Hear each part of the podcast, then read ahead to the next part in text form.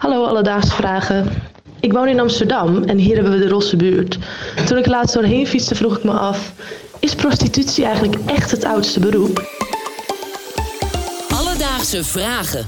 NPO Radio 1. Dankjewel Jelke uit Amsterdam. Passende vraag, want als je aan Amsterdam denkt, denk je ook toch aan de Rosse buurt, Ja, de Wallen. de Wallen. Ook mijn woonplek. Oh ja, jij woont daar inderdaad. Eh, Kom jij daar dagelijks eh, langs de dames van lichte zeden? Ja hoor, zeker. En inmiddels met sommigen heb ik een, een zwaai-contactje. Wat leuk.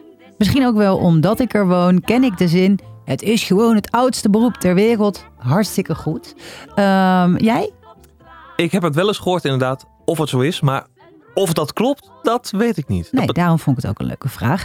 Voordat we tot dat verlossende antwoord komen, is het misschien ook goed om even te ontwarren wat je nou zegt. Zeggen we prostitutie of sekswerk? Magali Rodriguez is professor geschiedenis en bovendien schrijver van het boek Seks voor Geld, een geschiedenis van prostitutie in België. Ook buiten België is zij ontzettend goed op de hoogte van het wel en wee van de prostituee. De term prostitutie natuurlijk is de legale term. Dat is de term die gebruikt wordt door de wetgever. Maar dat is ook een term die heel, eh, ook een negatieve connotatie. Eh, als je vraagt welke term hebben de sekswerkers eh, zelf graag, dan is dat wel sekswerk. Waarbij dus het aspect, het component van werk benadrukt wordt. Zo rond de jaren 70 viel de term sekswerk voor het eerst in de VS. Vanuit feministen en transpersonen, omdat zij klaar waren met het idee dat sekswerk niet werd gezien als een serieuze baan en omdat ze het zat waren alleen als slachtoffers te worden omschreven. Daarnaast was de term inclusiever, waardoor ook dat beeld ervan afging dat sekswerk alleen maar iets was voor transpersonen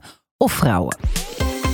Alledaagse Vragen. Terug naar de vraag van Jelke. Is sekswerk echt het oudste beroep ter wereld? Dit moet wel het oudste cliché zijn over prostitutie. Dat het oudste beroep zou zijn en dat klopt niet. De verwarring is ontstaan met kleetabletten. Die zijn gevonden voor eh, ongeveer 2400 eh, voor Christus. Waarbij een, een soort lijst van beroepen werd gevonden. En dan in die lijst van beroepen, dat waren allemaal tekeningetjes, waren er verwijzingen naar tavernevrouw. En dan later de kerkelijke leiders die zulke geschriften of eh, kleedtabletten gingen interpreteren, die hebben gedacht, oké, een vrouw die werkt in een taverne, dat mag niet. En dat moet dus een prostituee zijn geweest.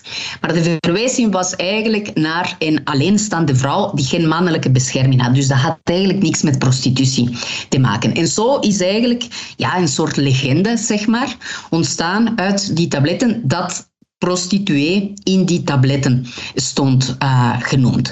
Jemig zeg. Dus omdat de kerk het verkeerd geïnterpreteerd heeft, zitten al die sekswerkers met de cliché opgezadeld dat ze het oudste beroep ter wereld doen. Heel goed gezegd, Aaron, want als het aan Magali ligt, moet deze fabel ook echt de wereld uit. Want het draagt bij aan die stigmatisering van de sekswerker. Hoe meer goede kennis we hebben, hoe beter dat natuurlijk is voor de acceptatie en ook rechten, regels, etc. Duidelijk. Um, wat ik me dan wel afvraag, als een sekswerker niet het oudste beroep is, wat is het dan wel? Nou, dat is ook natuurlijk wel even een leuke side note om te weten. Bijvoorbeeld kok, priester, uh, dokter, toen natuurlijk medicijnman uh, genoemd, kapper. Mm -hmm. Het is best een hele lijst die ouder zijn dan prostituee sekswerk. Nou komt er natuurlijk een moment dat we het wel als een beroep gaan omschrijven. Ook dat checkte ik bij Magali. Wij noemen, historisch noemen prostitutie op het moment dat de munteconomie stonden. En dan spreken wij ongeveer in de 7e eeuw. Oké, okay, dus vanaf het moment dat er uh, muntgeld mee verdiend kon worden, werd het een beroep. Ja, want seks als ruilmiddel, dat bestond wel al veel langer. En er is zelfs bewijs dat uh, dieren daar ook aan doen. Aan ruilseks? Aan ruilseks. Ik doe iets voor jou en dan uh, doe jij even piep piep bij mij. Piep piep. Alledaagse vragen. Omdat Magali natuurlijk professor geschiedenis is, leek het mij dan ook een mooie laatste vraag. Was er een tijd dat de sekswerker wel veel meer respect kreeg? Oeh, dan ben ik benieuwd. Respect aan zich, dat denk ik niet, maar wel eh, meer tolerantie. Dus je ziet in sommige periodes, in sommige steden in het verleden bijvoorbeeld, dat sekswerkers werden in, Egypte bijvoorbeeld toegelaten om mee te gaan in de stoet van de gilden. Dus je had de bakkers, je had de, de bouwvakkers enzovoort. En die gingen in een stoet, in feesten. En de sekswerkers, de prostituees, die mochten helemaal achteraan meelopen.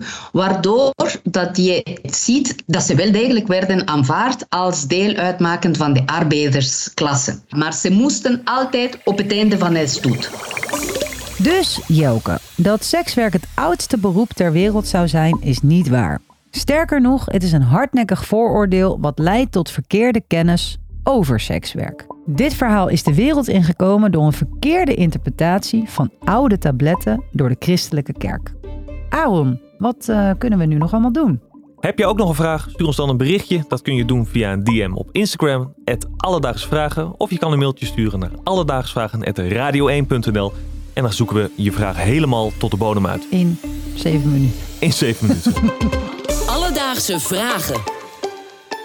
NPO Radio 1. BNN Vara. Podcast.